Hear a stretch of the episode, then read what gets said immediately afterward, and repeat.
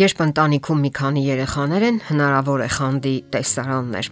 Խանդը բարկության եւ վախի համակցումն է։ Խանդը կարելի է մեկնաբանել որպես իր հանդեպ սիրո եւ ուշադրության կորստի վախ, անհանգստություն։ Երեխան ցանկանում է սիրված լինել, ուշադրության կենտրոնում, եւ նա հաճախ վախենում է կորցնել այդ սերը, հարգանքը եւ գնահատանքը ծնողների, ուսուցիչների, հարազատների եւ ընդհանրապես իր համար կարևոր մարդկանց հաճախ այն մրցակցության տեսք է ընդունում, ինչը բարկության տարատեսակ է, որը դրսևորվում է այն ժամանակ, երբ փոքրիկը ցանկանում է լինել ամենալավը կամ էլ հաղթել։ Սակայն պետք է նշել, որ խանդն ու մրցակցությունը կարող են խանգարել առողջ երեխա ձևավորելու գործընթացին։ Նախադպրոցական տարիքի երեխաները սովորաբար շատ են խանդում, երբ ծնողները կամ դասյարակները սկսում են ավելի շատ ուշադրություն հատկացնել կամ հետաքրքրություն դրսևորել մեկ այլ երեխայի հանդեպ։ Այդ զգացումը երեխայի մեջ առաջանում է այն ժամանակ, երբ նա տեսնում է, թե ինչպես է մայրը խնամում, ասենք իր փոքրիկ եղբորը կամ քրոջը, հսկայական ժամանակ հատկացնելով նրանց։ Եվ ասենք, որ նման հիմնախնդիր առաջանում է առավելապես ավակ առաջնեկ երեխաների մեջ, երբ ընտանիքում նոր երեխաներ են հայտնվում։ Չէ՞ որ նա արդեն ընտելացել է այն բանին, որ իրեն բավականաչափ ժամանակ էին հատկացնում։ Իսկ ահա նոր երեխայի հայտնվելուց հետո բնականաբար նվազում է իրեն հատկացվելիք ժամանակը։ Նրան թվում է, թե ծնողներն այլևս չեն սիրում իրեն կամ էլ քիչ են սիրում։ Այստեղ հետաքրքիր լուծում են առաջարկում մանկական հոգեբանության մասնագետները։ Նրանք խորհուրդ են տալիս ավագ երեխաներին ներառել նորածնի խնամքի գործողություններին։ Այդ ձևով ծնողը համարյա նմանատիպ ուշադրություն է հատկացնում ավակին, նրա հետ էլ է ժամանակ անցկացնում։ Իսկ եթե ավակը ասենք 3-ից 4 տարեկան է, ապա նրան կարելի է որոշակիորեն բացատրել իրավիճակը։ Նրան կարող եք ասել, որ հարկավոր է որոշ ժամանակ կոնկրետ լինել նորածնի հետ։ Ասենք, քո փոքրիկ եղբայրը շատ վատ է զգում իրեն առանց մայրիկի։ Տեսնում ես ինչպես են ալացում։ Ես պետք է բռնեմ նրա ձեռքը։ Մայրիկը քո ձեռքն է բռնում, երբ դու վատ ես զգում կամ հիվանդ ես, այդպես չէ։ Բայց հիմա այս փոքրիկի հերթն է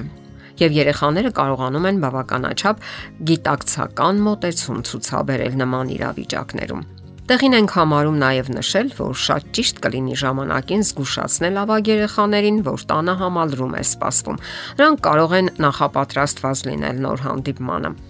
Նրանց կարող եք ասել, որ նոր եղբայրը կամ քույրը պետք է կարիք ունենա օգնության, ինչպես նաև հենց իրենց հոգատարությանը։ Ձգտեք նաև բացատրել, որ նման դեպքերում հնարավոր է խանդի զգացում առաջանա եւ փորձեք սովորեցնել, թե ինչպես հաղթահարեն այդ զգացումը։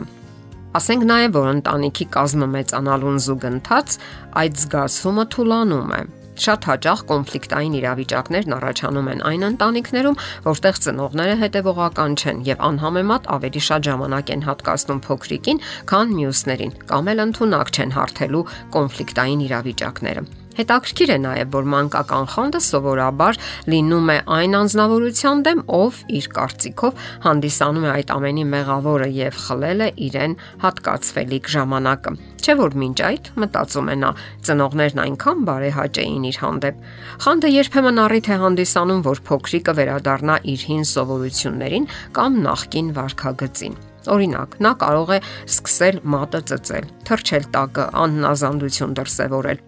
տարբեր բաներով փորձել ուշադրություն գրավել իր հանդեպ, հրաժարվել ուտելիքից կամ էլ հիվանդություն ու վախ կեղծել։ Խանդն ու մրցակցությունը ընտանիքում սկսվում է այն ժամանակ, երբ ընտանիքում երեխա է ծնվում եւ ավագ երեխային թվում է, թե ծնողները նորեկին ավելի շատ են սիրում, քան իրեն։ Իսկ ինչու է այդպես թվում, որովհետև ծնողները սկսում են ավելի շատ ժամանակ հատկացնել հենց նորածնին, իսկ երեխայի պատկերացումներում ուշադրությունը, ժամանակը հավասարազոր են սիրուն։ Եվ ահա որքան շատ են ծնողները ժամանակ հատկացնում երեխային, այնքան ավագ երեխային թվում է, թե ծնողները նորեկին ավելի շատ են սիրում։ Կան խորհուրդներ, թե ինչպես կարելի է վարվել նման դեպքերում։ Նախորոք պատրաստեք ձեր երեխային այն բանին, որ ընտանիքում նոր երեխա է հայտնվելու։ Երեխային ժամանակ է անհրաժեշտ, որpիսի նա անտելանա այն մտքին, որ ինքը այսուհետև ուրիշ մեկի հետ պետք է կիսի ծնողների սերն ու ուշադրությունը։